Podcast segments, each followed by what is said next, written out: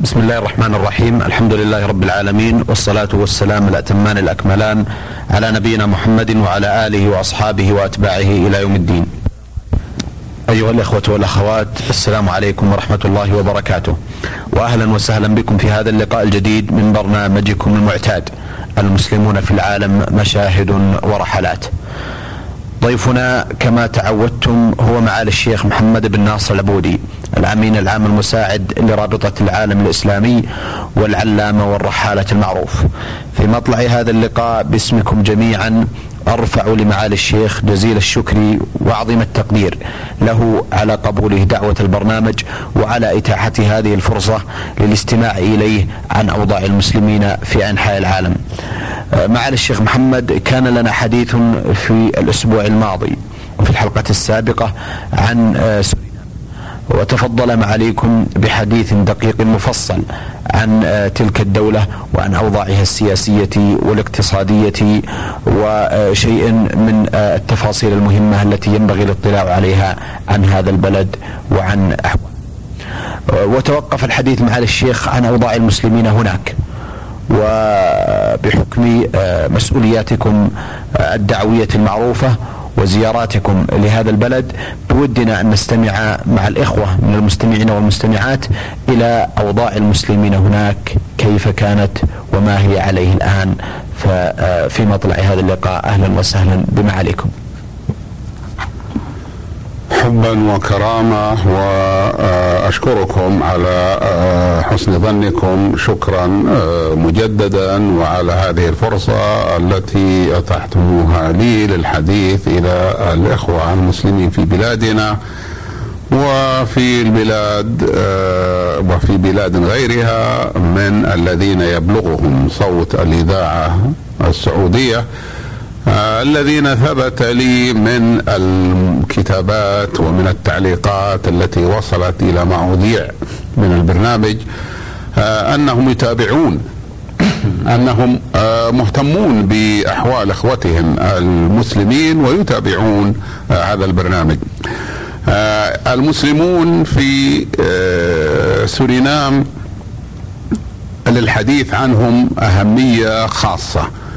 ذلك بأن سورينام التي تقع كما نعرف في الشمال الشرقي من القارة الأمريكية الجنوبية فيها أكبر نسبة من المسلمين في أقطار النصف الغربي من الأرض. يعني أنها عدد المسلمين وإن لم يبلغ إلى أن يكونوا أغلبية ولكن نسبتهم لا توجد لها مثيل في البلدان الواقعة في النصف الغربي يعني المقصود ذلك الأمريكيتان الأمريكا الجنوبية وأمريكا الشمالية. لأن نسبة المسلمين في سورينام في الوقت الحاضر تبلغ 30% من السكان. وهذه نسبة كبيرة جدا مقارنة إذا قارناها بالبلدان القريبة منها في أمريكا الجنوبية وحتى في أمريكا الشمالية. المسلمون ربما كان سبب زيادة أعدادهم أن سورينام كانت مستعمرة هولندية كما ذكرنا في الحلقة السابقة وأن إندونيسيا كانت تستعمرها هولندا فسكان قليل في سورينام في السابق ولا يزالون قليلا بالنسبة لا يزال عددهم قليلا بالنسبة إلى مساحة الأرض وإلى فرص العمل الزراعي فيها. فالهولنديون أحضروا عدد من الإخوة المسلمين من إندونيسيا إلى تلك البلاد والذين لم يحضروهم بالقوة عقدوا معهم عقود إيجار ويعني عقود توظيف وكذلك منحوهم أراضي يستغلونها من أراضي سورينام لأنهم أقدر على استغلالها بالزراعة التي هي زراعة الأرز وزراعة السكر من السكان الوطنيين في ذلك الوقت أي منذ 150 سنة عندما أو منذ 180 سنة عندما بدأت هجرة المسلمين الإندونيسيين إلى سورينام. لذلك تبلغ نسبة المسلمين فيها 30% كما قلت ويؤلف المسلمون من الجاويين وغالبا ما نسميهم الجاوي الجاويون غالبا ما نسميهم الجاويين لأنهم أغلبهم جاءوا من جزيرة جاوا في إندونيسيا. ولكننا آه نعمم آه فنقول الإندونيسيون لأن أهل إندونيسيا أهل جاوا كلهم من الإندونيسيين كما هو معروف. تبلغ نسبتهم الآن في آه، بين نسبة المسلمين يعني النسبة بين المسلمين من الجويين تبلغ 72 آه، بالمئة. وهذه نسبة جيدة 72% من المسلمين أي من مسلم هم من أصل جاوي. آه، هؤلاء الإخوة الجويون عندما آه، انتقلوا أو عندما نقلوا إلى سورينام كانوا كلهم مسلمين آه، بطبيعة الحال وإن وجد وجدت أعداد غير مسلمين فإنهم لا عددهم لا يكاد يذكر لأن المسلمين هم الذين كانوا أهل الزراعة وكانوا هم أهل المدن في إندونيسيا في ذلك الوقت في ذلك الوقت ولا يزالون.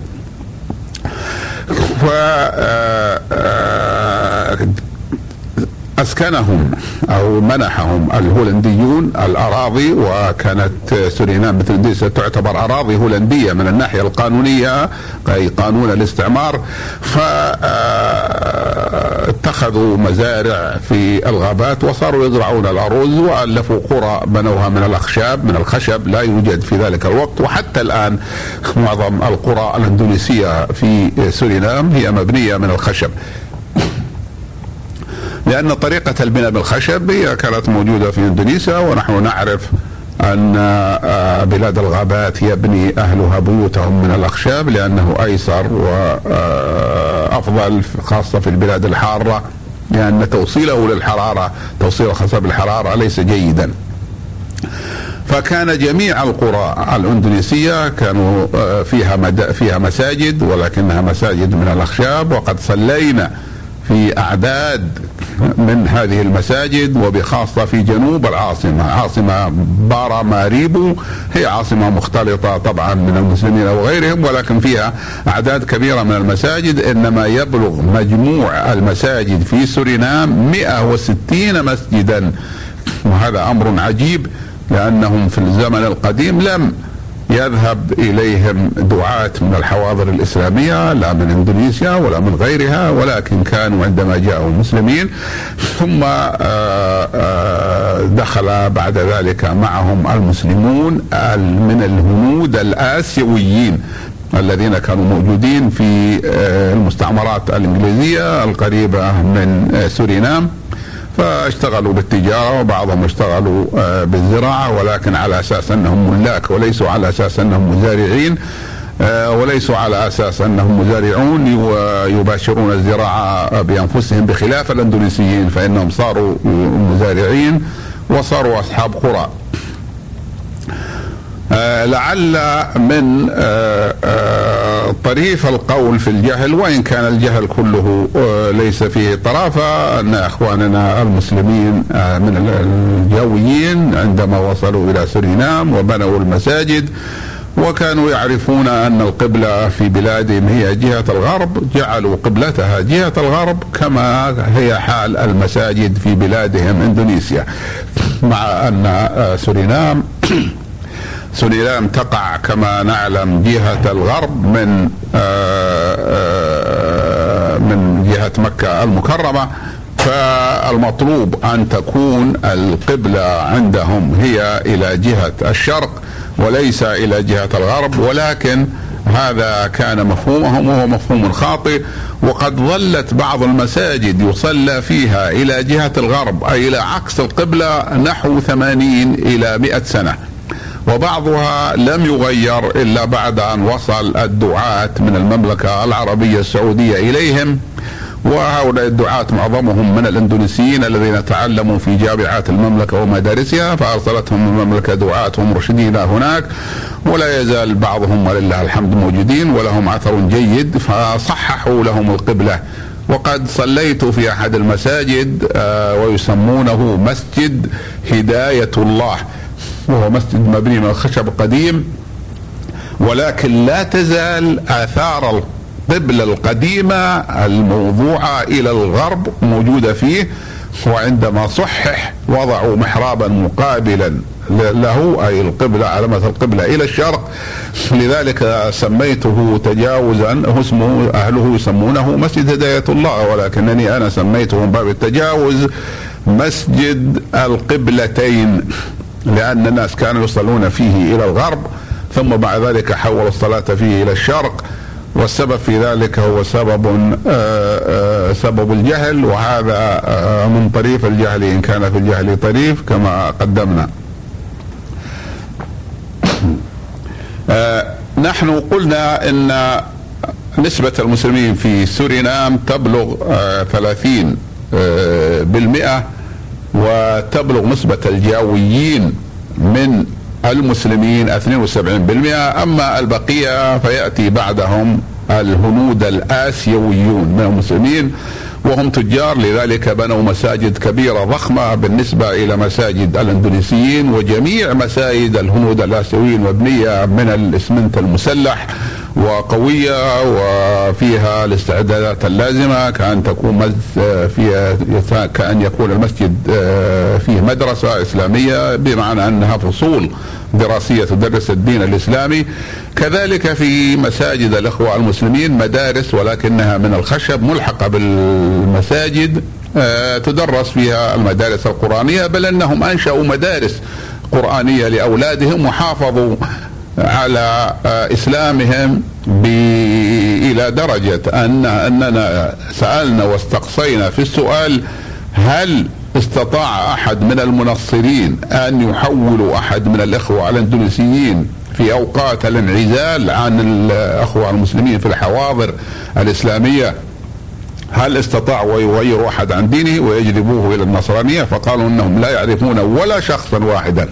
ولا حتى شخصا ذهب لسبب من أسباب كالوظيفه أو غيره وقال إنه رجع عن الدين الإسلامي. ولكن الملاحظ إلى جانب ذلك أن الدعوة الإسلامية ليست مزدهرة بمعنى أنه لا توجد كما توجد في كثير من المستعمرات القديمة أو كما يوجد في بعض البلدان الأصيلة آه، حركة دخول كبيرة واسعة إلى الإسلام.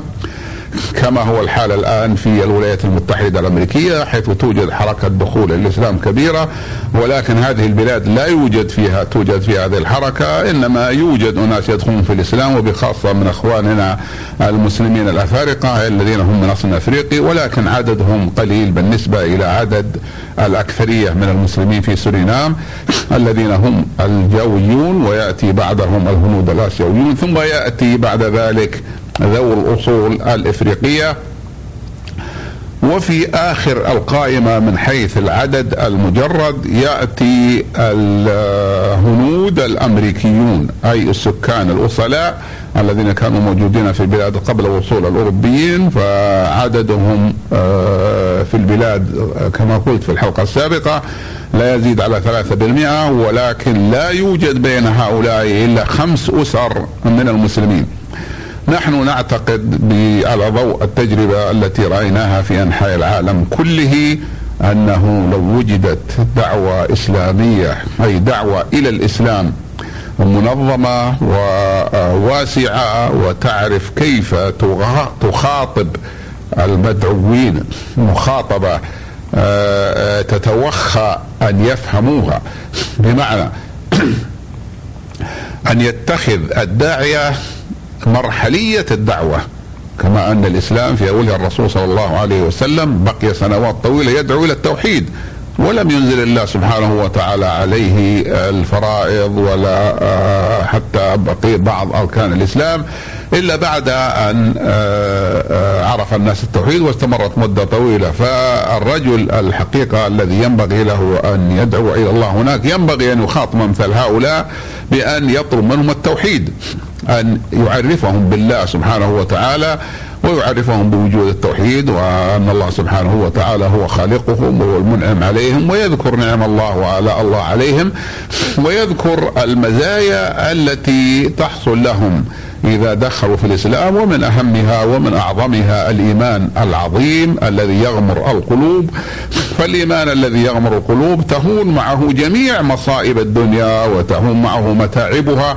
بحيث أن المسلم يكون سعيدا حتى إذا أصابته آه، ضراء، حتى إذا أصيب بالضرر فإنه يحتسب ويعرف أن الله سبحانه وتعالى سوف آه، يثيبه على صبره واحتسابه وعلى اجتهاده، فهذه الأمور هي التي آه، تجعل الناس قريبين من قبول الدعوة الإسلامية.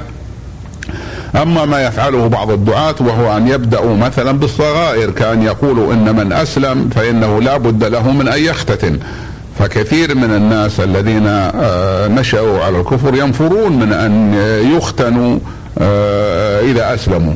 طبيعة الحال الختان آه، هو من سنن المرسلين ولكنه ليس شرطا من شروط من شروط الإسلام. فإذا وجدت الدعوة فإن الإخوة هناك يكادون يتيقنون على ضوء ما شاهدوه في الأقطار الأخرى أن الناس يدخلون في دين الله أفواجا وعندئذ تتحقق المعجزة المرجوة التي نرجوها نحن وأمثالنا وهو أن توجد أغلبية مسلمة في بلد من آه، بلاد النصف الغربي من الأرض. الآن لا يوجد بلد أغلبية له أغلبية من السكان مسلمة في النصف الغربي من الأرض. ولكن نحن نرجو إن شاء الله أن لا يمضي وقت طويل على آه الإخوة المسلمين في سورينام إلا وقد نشطوا. وواجب علينا نحن في الحواضر الإسلامية بما نستطيعه من الإمكانات وما لدينا ولله الحمد من الرجال ومن المال ومن شيء أهم من ذلك وهو محبة الدعوة إلى الله سبحانه وتعالى. وإذا قلت نحن فأنا لا أريد شخصي ولا حتى أريد الدائرة التي أعمل فيها وحدها وإنما أريد آه، جميع الإخوة المسلمين في الحواضر الإسلامية إذا تعاونوا مع إخوانهم في سورينام وأمثالها فإن النتيجة ستكون إن شاء الله نتيجة سارة وسيوجد في النصف الغربي من الأرض بلد أغلبية سكانه من المسلمين. أحسنتم معالي الشيخ. آه، أثناء الحديث الذي تفضلتم به انفا معالي الشيخ آه، ألا تلاحظون آه، غياب العرب عن سورينام؟ وهل لذلك أسباب؟ بخلاف الكثير من دول أمريكا الجنوبية التي يشهد فيها حضور كبير للعرب في كل دولة من تلك الدول.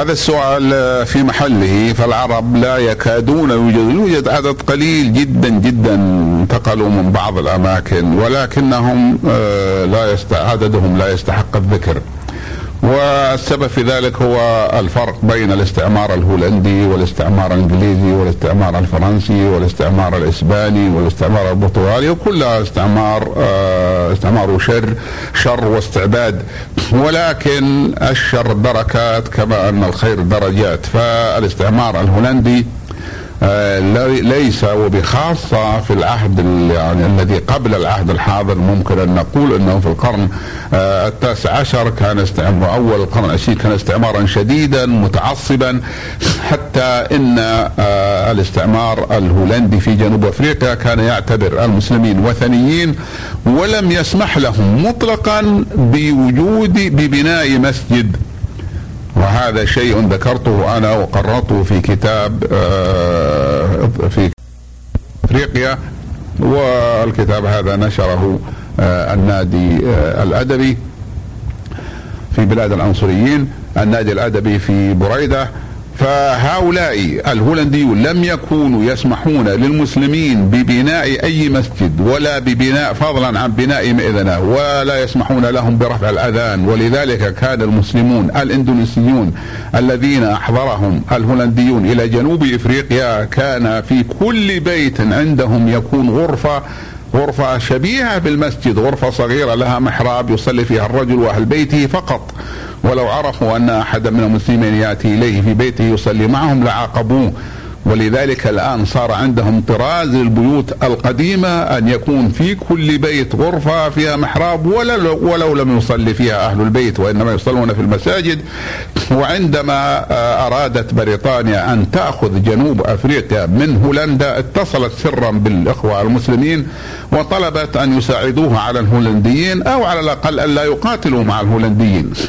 فقالوا لهم نحن عانينا من الهولنديين من أنهم منعونا من بناء المساجد ومن أداء شعائر ديننا الظاهرة فنحن مستعد على استعداد أن نكون معكم أيها الإنجليز ولكن بشرط أن تسمحوا لنا ببناء المساجد إذا انتصرتم على الهولنديين. فقال لهم الإنجليز لكم ذلك وكتبوا لهم كتابا في هذا حفظوه فقاتل المسلمون إلى جانب الإنجليز قاتلوا المستعمرين الهولنديين وكانت النتيجة أن هزم الهولنديون وانتصر الإنجليز وكانت النتيجة أن بدأ الإخوة المسلمون ببناء المساجد وكانت صارت من الكثرة أن حيا في مدينة كيب تاون اسمه حي بوكاب فيه ثلاثة عشر مسجدا.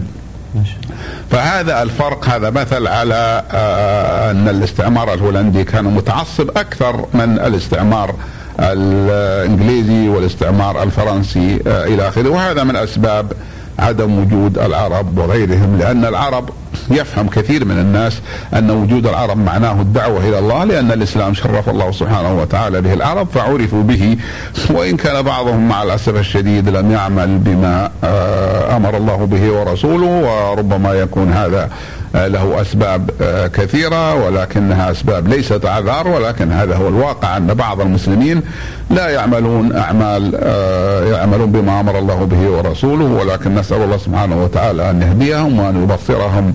في أمور دينهم وأن يجعل العرب آه، يستحضرون ويعرفون أن مجدهم وعزهم كان بالإسلام وأنهم لولا وجود الإسلام لكانوا أمة إما أن تكون منقرضة أو أن تكون آه، ضعيفة كالأحباش والأرمن وبعض آه، البلاد وبعض الأمم الموجودة مثل العرب ولكنها ضعفت وتلاشت أو على الأقل حرمت من الأمجاد والانتشار. أما العرب فقد نصرهم الله سبحانه وتعالى بالإسلام ونصر الإسلام بهم. فانتشر الإسلام وانتشر العرب إلى أقطار كثيرة وصارت اللغة العربية من اللغات العالمية العشر. هي آه، من بين اللغات العالمية العشر التي يتكلم بها أكبر عدد آه، من العالم. هذا فيما يتعلق بالعرب. احسنت معالي الشيخ. آه، أيضا من الممكن أن نتوقف آه، عند آه، الجهود التي تقدمها رابطة العالم الإسلامي والتي تتبع